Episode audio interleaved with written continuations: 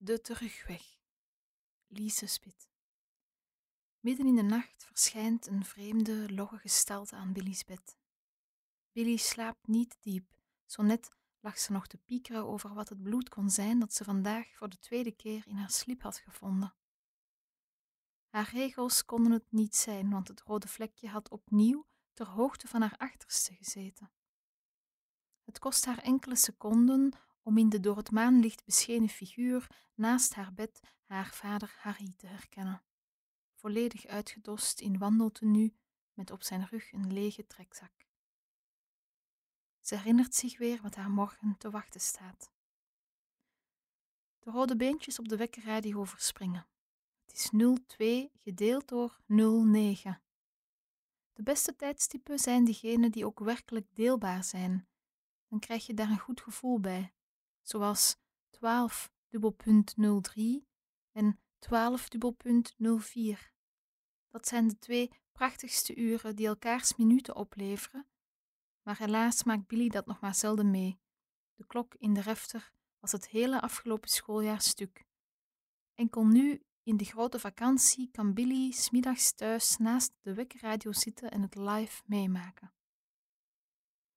Natuurlijk weet ze op welke knopjes ze moet drukken om de getallen te verzetten, maar dan is de breuk niet echt, dan geldt ze niet. Ik heb zo net wat bedacht, zegt Harry, die inmiddels de lichtknop van het bedlampje heeft gevonden. Een oplossing voor eventuele rugpijn. Is dit nu geen fantastische uitvinding? Billy ziet nu ook de witte vleugeltjes die achter de schouderbanden uitsteken. Haar vader heeft maandverband op de hengsels aangebracht hij wijst ernaar. Een extra schokwerende laag. Billy negeert het. Ze wil er zo min mogelijk aandacht aan geven, in de hoop dat dit krankzinnige idee geruisloos overgaat. Harry zit nu al enkele maanden thuis zonder werk. Na vier jaar dienst als begeleider in een beschutte werkplaats waar ze displays met lukoekjes vullen, hebben ze plots zijn maandcontract niet verlengd. Hij heeft geen enkel idee van de ontslagreden. Ook op zijn vorige, vorige job hebben ze hem eruit gegooid. Niet letterlijk, maar toch. Het was ongeveer na een even lange diensttijd en het gebeurde nogal abrupt. Telefoon inleveren, laptop inleveren en naar huis. Een olifant in een porseleinwinkel werd als reden opgegeven, en die zin bleef Harry maar herhalen.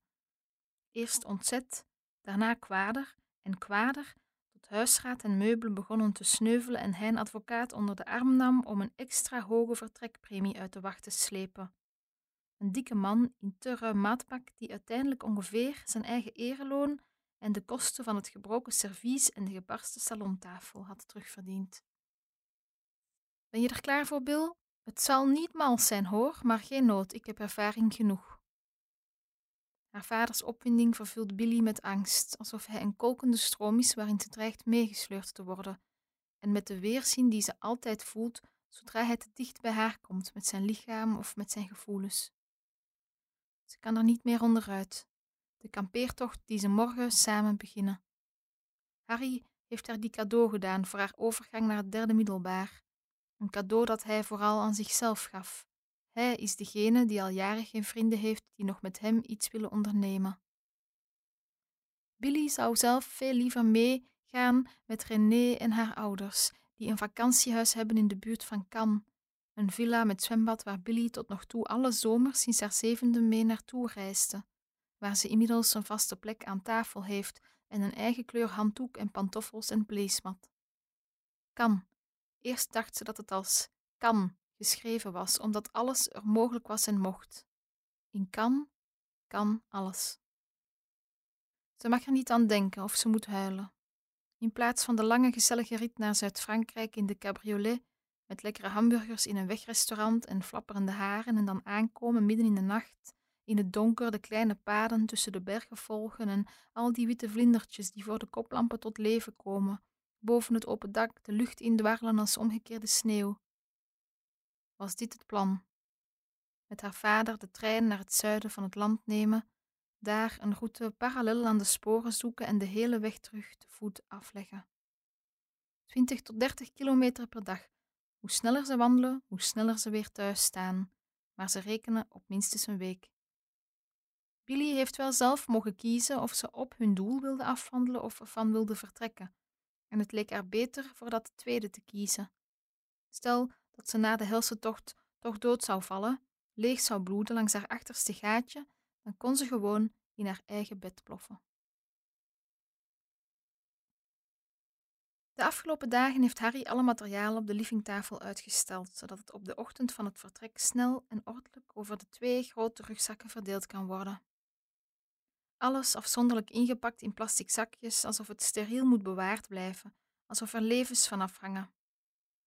Hij is meester in de overdrijving, niet enkel in hoe uitgebreid hij het woord neemt, welke anekdote of herinnering over zijn eigen leven zou hij nog liefst doen aanvangen in de middeleeuwen, maar ook in hoe grondig hij dit soort handelingen aanpakt. Grondig niet omdat hij de taak serieus neemt, maar omdat hij ervan houdt zichzelf serieus te nemen. Hij zal alles pas inpakken als hij zeker weet dat Billy het gezien heeft. Op het eerste gezicht is het aanstellerig, op het tweede gezicht is het vooral aandoenlijk. Na een uur is alle materiaal precies verdeeld over de twee rugzakken. Allebei hebben ze een gevulde drinkbus op zak, een matje, een slaapzak, zo klein mogelijk opgerold, hun kleren. Billy draagt enkele conserveblikken, het wc-papier, de EHBO-kit en het zeil.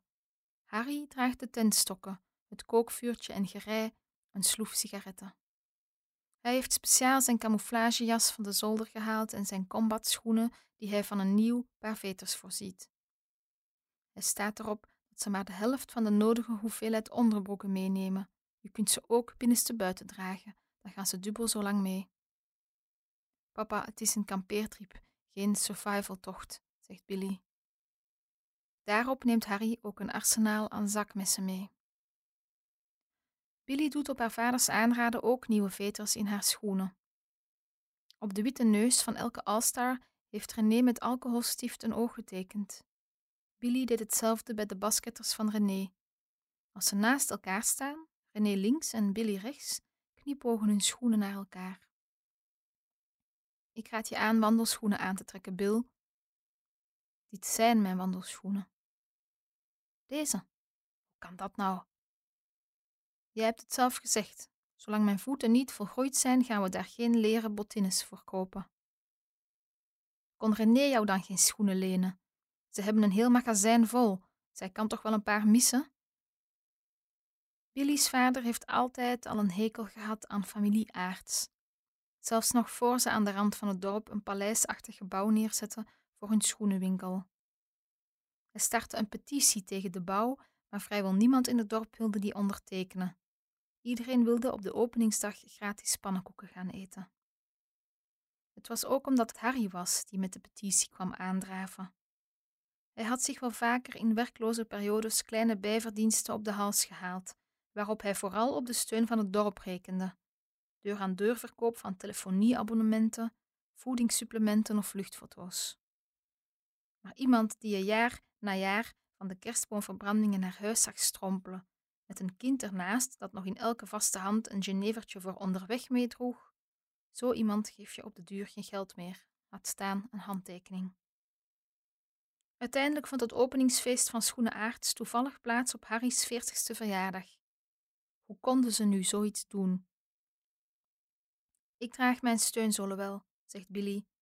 Ze steunen mijn voeten beter dan je denkt.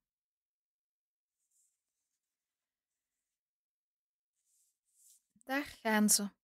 Twee rugzakken die met mensen wegwandelen in plaats van omgekeerd, met aan een touwtje bengelende drinkbussen. Billy's vader heeft nog steeds die witte vleugels van het dikke maandverband over de hengsels van de rugzak geplooid, fel contrasterend met de camouflagekleuren. Billy mag van hem niet klagen als ze rugpijn heeft, maar liever dat dan ook met maandverband op haar schouders het land doorkruisen. Ze heeft haar regels nog nooit gehad, Ongesteld worden is iets waar ze al zes jaar, sinds het derde leerjaar, naar uitkijkt. Alsof ze dan eindelijk in een rijk zal worden opgenomen waar al haar vriendinnen, René inclus, reeds toegelaten zijn. Kan ze eindelijk mee geheimzinnig doen, iets op opvallend discrete wijze in haar broekzak wegmoffelen voor ze het toilet bezoekt. Ze heeft er wel eens over gelogen tegen meisjes, puur zodat ze erover zou kunnen meepraten. René is de enige die de werkelijkheid kent, omdat Billy haar om raad vroeg toen ze voor het eerst uit haar achterste bloedde. De hele weekenddag hadden ze samen in het magazijn van de schoenwinkel gewerkt, om de paren die door de klanten waren aangepast weer in de juiste dozen op de juiste rekken te zetten. Ladder op en af, ze hadden zeker het equivalent van de Mont Blanc aan laddertredens beklommen. En aan het einde van de dag had ze een bloedvlek in haar sliep aangetroffen. Geschrokken vertelde ze aan René wat er aan de hand was. Misschien heb je toch je regels gekregen, zei die. Misschien zat je onderbroek scheef en lijkt het alsof het achterin zit. Billy probeerde haar sliep zo te trekken dat de bloedvlek op de juiste plek zou zitten, maar dan moest ze haar onderbroek achteraan tot onder haar bilspleet laten zakken, en zo had ze zeker niet rondgelopen. Uit je achterste bloeden, dat hoefde helemaal niets ergs te betekenen. Misschien kenden haar regels de weg nog niet goed en hadden ze de verkeerde uitgang gekozen. Misschien was het van al dat zitten geweest in de klas, op die harde houten stoelen. Gelukkig was het bijna vakantie. Bij het buitenwandelen van het dorp bidt Billy dat ze niemand van de klas tegenkomen. Ze moeten sowieso langs Schoenen Aarts en het naastgelegen woonhuis passeren. Dat ligt pal aan de Steenweg, waaraan een paar kilometers verderop ook het station ligt. Wie weet staan René en haar vader net de auto in te laden. Dan zullen ze zeker uit beleefdheid een praatje slaan, en René's vader zal het maandverband opmerken. Misschien zullen ze dan deze zomer René overtuigen niet meer op te trekken met de dochter van deze vreemde vent. Voor het bieden heeft Billy een rijmpje, dat René's moeder haar heeft aangeleerd toen ze ooit een van haar communie-oorbelletjes was verloren in het ballenbad in de kinderhoek van de schoenenwinkel en ernaar op zoek was gegaan. Heilige Antonius, goede vriend, zorg dat ik gauw mijn oorring weer vind. Sindsdien verzint Billy zelf allemaal heiligen en valt er elke keer wel iets van te maken. Heilige Stefanus, lieve Heer, ik wil geen buizen voor wiskunde meer. Beste Bartholomeus, edele man, zorg dat ik deze dag aan kan. En voor de moeilijke rijmwoorden had ze altijd Elisabeth klaar. Heilige Elisabeth, goed mens, ik hoop dat je waarmaakt wat ik nu wens. De heiligen hebben niet altijd zin om haar te helpen. Dit keer is Elisabeth haar wel goed gezind, want ze komen op hun weg naar het station niemand van de klas tegen, en ook René's gezin blijkt te zijn vertrokken. De cabrio is weg. Ze moeten in het holst van de nacht hun tocht naar het zuiden hebben aangevangen. Het idee van die wagen waarin zij nu ontbreekt, de prettige spanning die er hoort bij zo'n nachtelijk vertrek, met kopkussens in de wagen en dan luisteren naar de radiostem die op de duur Frans praat en de straatlantaarns stellen, en dat ze dat vannacht voor het eerst gemist heeft, doet nog steeds pijn in Billy's buik. Straks zullen ze nog ontdekken dat haar afwezigheid prettig is, dat Frankrijk veel beter is zonder haar, en zullen ze stilzwijgend de plaatsen aan tafel herverdelen, haar placemat aan de hond geven, het speciaal voor haar gekochte dekbed als picknicklaken gaan gebruiken. Ze probeert geen slechte gedachten te hebben, want misschien is dat wat ervoor zorgt dat ze al twee keer uit haar poep gaat bloeden. Ze kent het verhaal van de ongelukkige buurvrouw die altijd over alles klaagde en daar een keelkanker van kreeg. Het is nog vroeg en fris. De nevel boven de velden moet nog opdrogen in de ochtendzon. Een voorproefje van wat Billy te wachten staat volgens Harry. Op zijn bovenlip parelt zweet dat hij met een opgerolde zakdoek opdept. Hij heeft al twee keer een rookstop ingelast. Ik moet nog veel meer kilo's dragen dan jij, zegt hij. Maar hij vergeet het voordeel van zo'n stevige pens, een tegengewicht voor de zware rugzak. Billy moet voorovergebogen lopen, gezicht naar de grond, om haar evenwicht te bewaren. Die houding maakt het des te vervelender dat Billy's vader zijn gidsmodus al heeft aangeknipt, nog voor ze goed en wel op pad zijn, en naar allerlei dingen wijst, zodat zijn dochter wel moet opkijken. De trein is enkele minuten te laat en komt kreunend tot stilstand. Harry vloekt omdat de deuren zich niet precies voor hem bevinden, maar enkele meters verderop. Het is een aftandse wagon met aan de ramen donkerblauwe, stugge plooigordijntjes die lichtjes tegen de rijrichting in gaan hangen. Ze doen Billy denken aan dansende meisjes in schooluniformen. In de lagere school moesten ze van die donkerblauwe, stijve rokjes met plooien dragen tot aan het tweede leerjaar. Toen werd de uniformplicht afgeschaft. Billy had niet zoveel andere nette kleren, waardoor haar vader erop stond dat ze haar rok en haar witte polo-shirt bleef dragen. Uniform recht noemde hij het. René's moeder had Billy oude kleding van René's grotere zus toegestoken, zodat ze niet de enige zou zijn op school die in uniform rondliep. De kleding was zo mooi en kleurrijk dat Billy er ook anders van ging bewegen. De klastitularis had op het oudercontact aan Harry gezegd dat hij eens kon overwegen haar in te schrijven voor dansles. Weet je waar ik zin in heb? zegt vader. Zoethout. Ken je dat? Hout waarop je kan kauwen. Dat heb ik vaak gekauwd toen ik stopte met roken. Maar je bent niet gestopt. Nee, dat weet ik zelf toch ook wel. Het maandverband van haar vader ritselt. Billy ziet de conducteur en andere reizigers wel kijken. Haar vader heeft hun spot niet door. Ze hoopt dat deze mensen niet denken dat ze samen horen, al is dat haast onmogelijk met de twee identieke rugzakken. De trein gaat naar Antwerpen Centraal, waar ze aankomen in een prachtige stationshal met de grootste glazen koepel die Billy ooit gezien heeft. Zo'n ruimte die je plots het gevoel geeft dat je iemand anders zou kunnen worden, dat je dingen zou kunnen die je nooit eerder gedurfd hebt. Billy's vader heeft ooit een puzzel van 10.000 stukken met de afbeelding van dit station gelegd, waardoor hij er nu rondloopt alsof hij de constructie zelf ook stukje voor stukje gebouwd heeft. Ze missen bijna hun aansluiting naar Brussel, waar ze zullen overstappen op een trein naar Namen. Billy is verbaasd dat Wallonië, dat ze enkel kent vanuit de cabrio, zoveel meer is dan asfalt, wegwijzers met onuitspreekbare namen en bermen. De trein snijdt bossen in twee, boort zich in bergen, passeert afgelegen stationnetjes. Voor een zoveelste keer haalt Harry zijn Zwitserse zakmes boven, gaat na of alle onderdelen nog vlotjes in en uit te knippen zijn. Billy moet haar hand aanreiken om te voelen hoe scherp hij ze voor vertrek geslepen heeft. Doe nu toch je rugzak uit, Bill. Billy zit op het puntje van de treinstoel en haar rugzak steunt op de zitting. Het ziet er oncomfortabel uit en dat is het ook. Maar Billy wil haar rugzak niet losmaken dan moet ze die bij elke overstap weer op haar rug hijsen en valt elke keer het gewicht opnieuw tegen. Wie weet zwelt haar rug op, zoals voeten doen nadat je ze tijdens een stevige wandeling uit de schoenen haalt, en past nadien de trekzak niet meer. Ze wil dat deze tocht vooruit gaat, ze wil het afraffelen, en daar hoort bij dat je het jezelf niet te comfortabel mag maken, dat je zo min mogelijk op alle uitnodigingen van de situatie ingaat. In Namen nemen ze een boemeltrein die hen steeds zuidelijker brengt, in een heuvelachtiger landschap. Ze zitten nog als enige in de wagon, samen met een vrouw die een grote plastic zak bij zich heeft die ze angstvallig dicht bij zich houdt. Nog drie haltes. Harry wil uitstappen in Karlsburg, omdat hij van dat bier houdt. Wie weet wordt het ergens op een berg daar gebrouwen. Wie weet kunnen ze een bezoekje brengen aan de paters.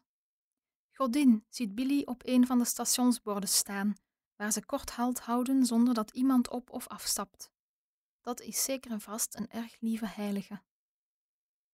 Het lijkt Billy steeds onmogelijker al de afgelegde afstand met haar rugzak in de tegenovergestelde richting weer te moeten afleggen. En behalve onmogelijk lijkt het haar ook nutteloos. Waarom wandelen als je gewoon de trein kan nemen? Heilige Godin, beste meid, maak alsjeblieft onze tent kwijt.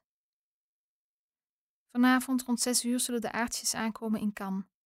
Dan lopen ze eerst even het huis in om te kijken of alles nog ligt zoals het werd achtergelaten. Ze zetten de luiken open en trekken de doeken van de meubels. Iedereen maakt zijn bed op en richt zijn kleerkast in. Er wordt een uur afgesproken waarop aan de auto verzameld wordt om in het dorpje pizza te gaan eten. René houdt van artichokharten. Zij en Billy delen altijd een grote pizza. Heilige godin, beste meid, geeft mijn vader het vliegend scheid. De plek in haar hand waar haar vader eerder met het mes heeft gedrukt, voelt ze nog altijd, een zacht jeukende streep. Artichokharten, met bladeren die perfect gerangschikt zitten in de kern. Bijna kan ze haar tranen niet meer bedwingen, maar net nu komen ze aan in Karlsborg, en dat helpt, want ze zijn het verst van huis weg nu. Vanaf nu zijn ze alweer op de terugweg. Daar gaan ze dan. Eerst langs een frituur waar ze allebei een curryworst eten als lunch en waar vader zonder succes aandringt dat Billy ook eens een biertje proeft. daarna een brug over het dorp uit. Ze wandelen aan de linkerkant van de rijweg. Dat is de manier om te wandelen volgens Harry, maar hij legt het uit met veel meer woorden. Na een half uur besluit Harry dat Billy haar horloge moet inleveren. Aan de hand van een kompas en de stand van de zon kan ze ook leren lezen hoe laat het is. Het was al zo jammer dat René er niet bij is, maar nu is het helemaal een zonde, want met René zou zoiets tenminste leuk zijn: de tijd uit het oog verliezen, andere wijzers volgen.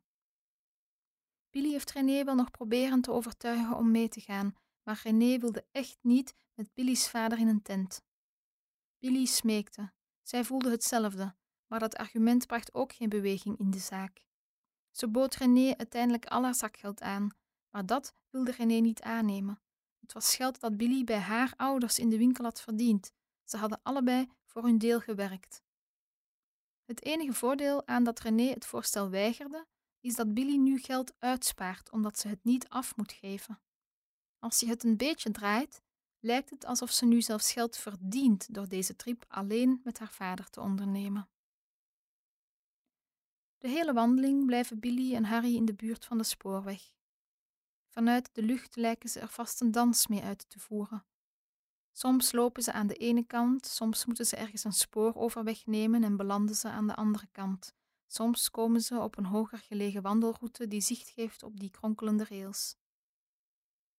Harry blijft voortdurend aan het woord. Over hoe hij vroeger met zijn eigen vader ook ging kamperen bij de oerte en zo al deze ervaring opdeed. En dat hij als zestienjarige alleen in de bossen ging kamperen voor een week en dat dat de beste dagen van zijn leven waren. Hij wil dat Billy weet hoe het voor hem was. Hij wil Billy doen samenvallen met zichzelf op die leeftijden. Hij wil bewondering voor zijn jongere zelven afdwingen, omdat hij die toen zelf nauwelijks van zijn eigen ouders kreeg. Zodra Billy haar vader voor zich ziet als kleine jongen, als kind van een vader zoals hij nu zelf is, als zestienjarige met de vreselijke acne waar hij al die kleine littekens aan overhield en die waarschijnlijk de reden waren voor de eenzame kampeertrip op zijn zestiende, verandert de ergernis voor haar vader meteen weer in medelijden. Hier en daar staat langs het spoor, op de kruispunten met kramikkelige wegen die naar dorpjes leiden, een kleine Mariagrot, waar Billy een takje achterlaat als offer en bidt dat ze geen erge ziekte heeft en dat ze please, please deze week niet weer uit haar achterste bloeden moet, met haar vader erbij, en dat hij haar dan vragen gaat stellen en wie weet wil kijken of er iets aan te zien is. Ze loopt liefst op een afstandje achter hem aan. Voor hem uitlopen wil ze niet, dan kan ze niet inschatten hoe hij kijkt, wat hij denkt en wat hij doet, en dat is onprettig. Ze wil zijn blik niet op haar voelen rusten, en dat hij dan stille meningen zou hebben over die dochter van hem, met amper borsten en met billen waarover hij straks in een dronken toestand bij een biertje of twee eens op zou kletsen, om de genialiteit van het koosnaampje dat hij voor haar heeft verzonnen te benadrukken. Zijn blik was nooit onschuldig. Het was een blik die munitie verzamelde. Niet om het bewust te gaan gebruiken, doorgaans. Hij deed het altijd zonder dat hij het zelf doorhad, die kwetsende uitspraken over haar puberlichaam, maar dat maakte het niet minder pijnlijk. Een schot dat per ongeluk afgaat, kan even dodelijk zijn dan eentje dat gericht werd afgevuurd. Het geluid van de treinen echoot door dal en heuvels als een constante, alsof de aarde vlak bij hen in twee gekliefd wordt, maar zij er keer op keer de nauwernood aan ontsnappen. Er zit een spanning in het naderende geluid, en als het voorbij is, als het in de verte helemaal uitsterft, trekt er een vage teleurstelling door Billy heen. Het is weer voorbij. Wanneer de sporen een tijdje uit het zicht zijn geweest en daarna weer opduiken tussen de bomen, is Billy opgelucht. Dan hebben ze weer beeld bij het zuizende, echoende geluid. De sporen zien betekent dat ze nog op de goede weg zijn, dat ze niet alleen op deze wereld zijn. Ze kruisen het pad van anderen, mensen die ook op weg zijn naar iets, op de terugtocht van hun werk of ontmoetingen zijn. De laatste twee uur van die eerste dag, tot aan het langzaam intreden van de avond, lopen ze op een zandweg die parallel loopt aan de sporen. Er staat enkel een dunne draad tussen, die met weigerachtige klimop begroeid is. Treinen die van achteren naderen klinken steeds verbazingwekkend dichtbij. Billy kan het nooit laten om achterom te kijken en zich ervan te verzekeren dat de locomotief toch niet van de rails afgegaan is en recht op hen afkomt. Het spoor dat het dichtst bij het wandelpad ligt, wordt voornamelijk gebruikt door goederentreinen met stenen en zand, met tankwagons. Die passeren met een zekere kalmte, alsof ze in tegenstelling tot passagierstreinen genoegen genomen hebben met zichzelf, met wat ze wel en niet kunnen. Het zijn lange treinen, en elke keer als je denkt dat ze niet langer meer kunnen zijn, tovert de verte toch een nieuwe wagon tevoorschijn. Af en toe toetert er een machinist. Dan schrikt Billy omdat ze zo'n logtoestel niet tot zoiets opwekkends in staat acht.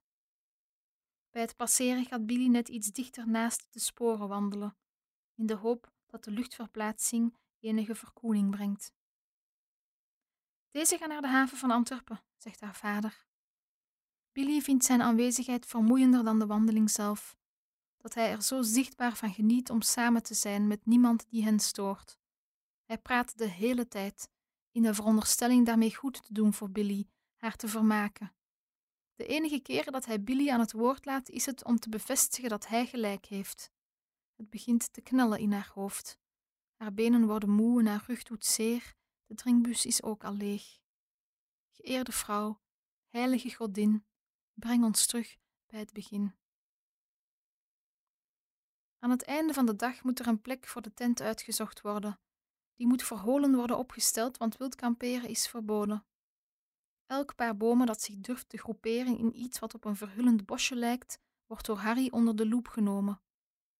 Liefst wil Billy blijven verder wandelen, in één keer naar huis, rechtop staan slapen, alles liever nog dan straks ergens uit het zicht naast haar vader in een tentje te moeten kruipen. Ze is thuis al niet graag in dezelfde kamer met haar vader. Ze haat het dat hij altijd precies wanneer zij zich doucht of omkleedt, de badkamer nodig lijkt te hebben, of dat hij recht tegenover haar aan tafel komt zitten om de krant te lezen, terwijl er nog zoveel lege stoelen zijn. Op een vijftigtal meter van de spoorweg vinden ze in het midden van een leeg weiland een klein, dicht driehoekig bosje, tussen twee heuvels gelegen, een soort schaamstreekje, waar ze na het ombuigen van enkele takken hun tentje geplaatst krijgen. Billy schrikt hoe klein de tent van binnen is. De laatste keer dat ze erin kroop, kon ze binnenin nog een achterwaartse koprol maken. Ze installeert de matjes en rolt de slaapzakken uit, terwijl haar vader buiten fluitend het gasvuurtje installeert. Even observeert ze hem van achter de flap van het zeil. Wanneer ze stiekem naar haar vader kijkt, voelt ze meer voor hem dan wanneer hij zich bewust is van haar blik. Op afstand lijkt hij een normaal en neutraal iemand, zoals een man die je ook op straat zou kunnen tegenkomen en van wie je niet bang hoeft te zijn, of voor wie je je niet verantwoordelijk hoeft te voelen, omdat je niet van alle ontslagen en tegenslagen op de hoogte bent en ook omdat hij geen recht op je aanwezigheid heeft. Kamperen met een vreemde zou makkelijker zijn. Misschien moeten ze dat afspreken, dat ze elkaar niet kennen. Misschien wordt deze week dan eenvoudiger. Ze warmen de witte bonen in tomatensaus op die Billy in haar rugzak heeft meegesleurd. Diepen daar het brood in dat ze na het opzetten van de tent bij een kleine kruidenier in het nabijgelegen dorpje gekocht hebben, samen met zes halve liters bier.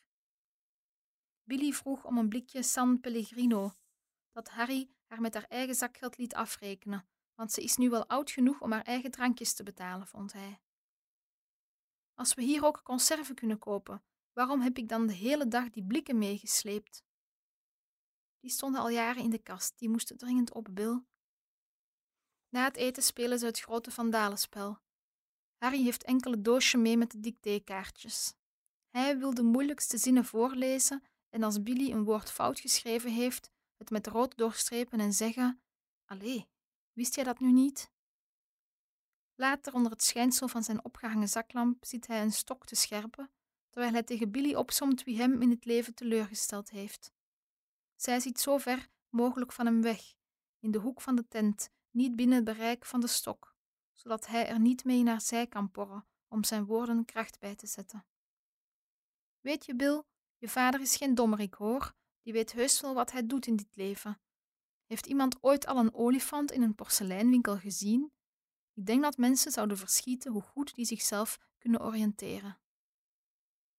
Billy moet al een uur plassen. Ze wacht tot het donker wordt, tot hij voorstelt te gaan liggen. Slaap jij nu in je kleren, Bill? Ja. Oké, zoals je wil. Hij knipt het licht uit. In feite mag je niet wild kamperen, vertelt hij haar. En weet je waarom niet? Niet enkel om de dieren en de natuur te beschermen tegen de mensen, maar ook om mensen te beschermen tegen mensen. Je weet nooit welke gekken hier rondlopen. Aan de kust hebben jongeren eens midden in de nacht een rotsblok bovenop een tentje gegooid. Pat, in je slaap, op slag dood. Er valt een lange stilte. Een stilte waarvan hij hopelijk geniet, want anders begrijpt Billy echt niet waarom hij dit nu moest vertellen. Het is warm, maar ze wil niet onbedekt zijn, zo dicht bij hem. Als zij slaapt, zou hij iets van haar lichaam kunnen bekijken, een stukje dat niet voor hem bedoeld is. Slaap wel, Billard, het was een goede dag. Neem als je vannacht gaat plassen de speer mee. Je weet maar nooit. Ja, papa, ik heb ook een fijne dag gehad. Als hij slaapt, doet ze de rits voorzichtig open en kruipt met de rol toiletpapier uit de tent. In het donker, met kloppend hart, zoekt ze een plekje dat ver weg genoeg is van de tent, maar waar vandaan hij haar wel nog zou kunnen horen schreeuwen in geval van nood. Het is buiten droog en toch is alles nat. Ze houdt de stok met scherpe punt in de hand en net daardoor heeft ze nog meer heimwee. Niet naar huis, maar naar waar ze had kunnen zijn in plaats van hier. Ze bukt, zoekt met het licht van haar zaklamp naar een plekje zonder netels of distels. Ze moet een tijd lang gehurkt zitten voor er iets komt. Sorry, fluistert ze tegen haar plas. Sorry dat ik je zo lang tegenhield. In de verte passeert er een trein. Het zuizen, het staccato roffelen van het staal. Ze heeft een zwarte onderbroek aan, dus of er bloed is, kan ze niet goed zien. Ze laat haar hand naar haar achterste glijden, probeert te voelen of daar bloed zit. Ze duwt er een stukje wc-papier heen en veegt, schijnt met haar zaklamp op het papiertje. Niets. Gelukkig. Een week moet ze dit nog volhouden, zoals je je adem inhoudt bij een trein die langs rijdt, maar dan iets langer. Ze kon dit wel, doorbijten en hopen dat het bloeden niet weer begon. Ze kan haar rugzak minder strak rond haar middel vastknopen. Haar schouders kunnen het gewicht beter verdragen dan haar buik. Dat zou helpen. Ze probeert aan Kan te denken. Zo hard dat ze misschien toch een beetje daar aanwezig is, dat het universum doorbuigt en zich hinder plots over haar gaan praten, haar missen. René had gezegd dat ze konden schrijven, maar waar zou Billy haar brieven dan ophalen? De rest van de nacht praat ze met de heiligen, vraagt hen allerlei zaken, haalt er genoegen uit om bij alles wat ze verlangt de juiste rijmwoorden te vinden en er ook een goede patroonheilige voor te bedenken. De tweede dag en derde dag komen uit dezelfde fabriek als de eerste dag. Ze zijn alleen iets anders verpakt. De uitzichten en namen van gehuchtjes die ze doorkruisen wisselen. Er ontstaat een ellendige eentonigheid. Voet na voet, uur na uur, wij na wij, helling na helling, met altijd voor haar de rug van haar vader en links of rechts in de lucht de bovenleidingen van de spoorwegen. In elk dorpje dat ze passeren koopt Harry één of twee blikjes bier voor meteen onderweg. En als er een trein met wagentransport passeert, dan praat hij een tijdje Duits, alsof Billy en hij collega's zijn die op post zijn voor Deutsche Bahn om de werking van het spoorwegbedrijf te evalueren. Billy speelt met het idee om hem achter te laten, om zich gewoon om te draaien en zuidwaarts te wandelen, of midden in de nacht weg te sluipen en dan als vermist opgegeven te worden, om een paar weken later in kan op te duiken. Maar ze kan het niet. Ze kan haar vader gewoon niet achterlaten.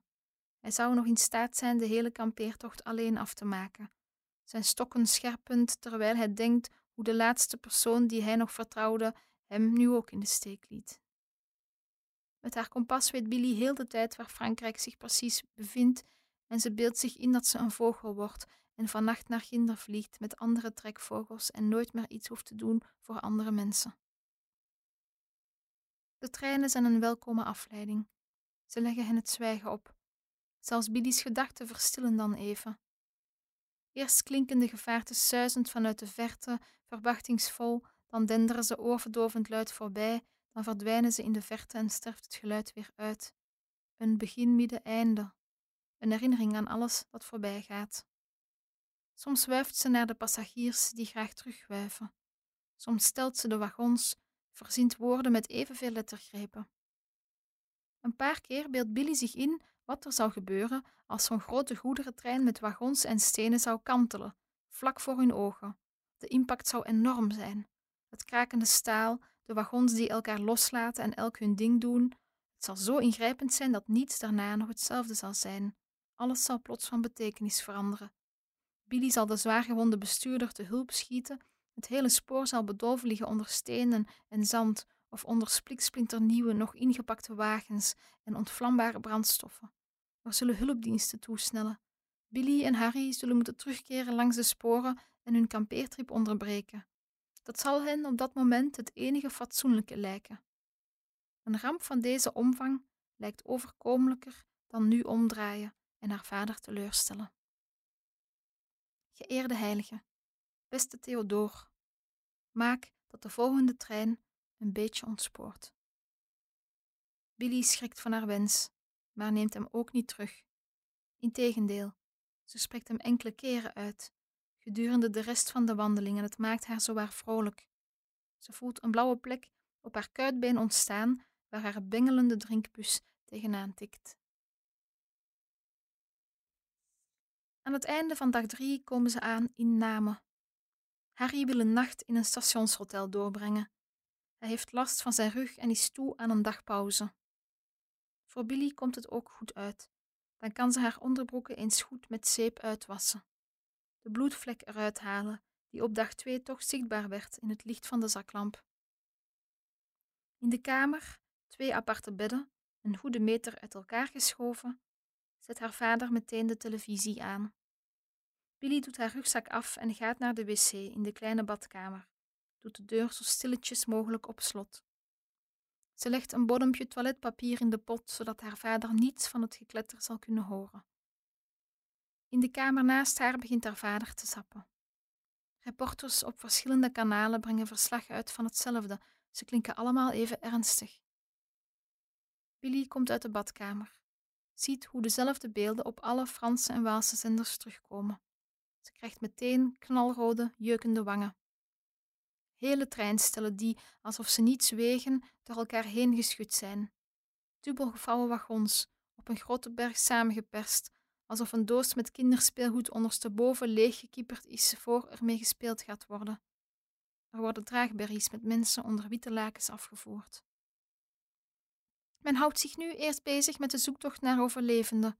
Nog lang niet alle lichamen zijn geborgen, vertelt een verslaggever. Zestig mensen zijn nog vermist. Het lichaam van een moeder en kind zijn zo net gevonden. We zien hier hoe ze zo discreet mogelijk worden afgevoerd. Het is erg warm in Lyon, meer dan 40 graden.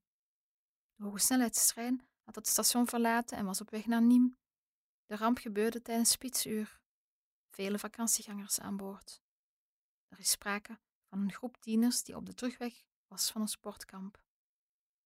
Vader neemt een biertje uit de minibar, draait het open, het schuimt. Hij zet het tegen zijn lippen en zuigt. Ooit al eens een bakje Amerikaan préparé in de zon zien staan in de zomer, zegt hij. Dat krijgen ze daar straks te zien, zeg dat ik het gezegd heb. Heilige Theodor, denkt Billy, praat met mij. Hij had het niet goed begrepen. Ze had om een zachte ontsporing gevraagd. Dat hier moeten gebeuren met een goederentrein buiten het spitsuur, niet in Frankrijk. Ze kan niet in de kamer blijven. Ze doet haar trekrugzak weer, weer aan en wandelt de gang op. Heilige Elisabeth, goed mens, ik trek alles terug wat ik ooit heb gewenst. Bill, waar ga je heen? roept haar vader nog. Ze negeert hem en wandelt verder.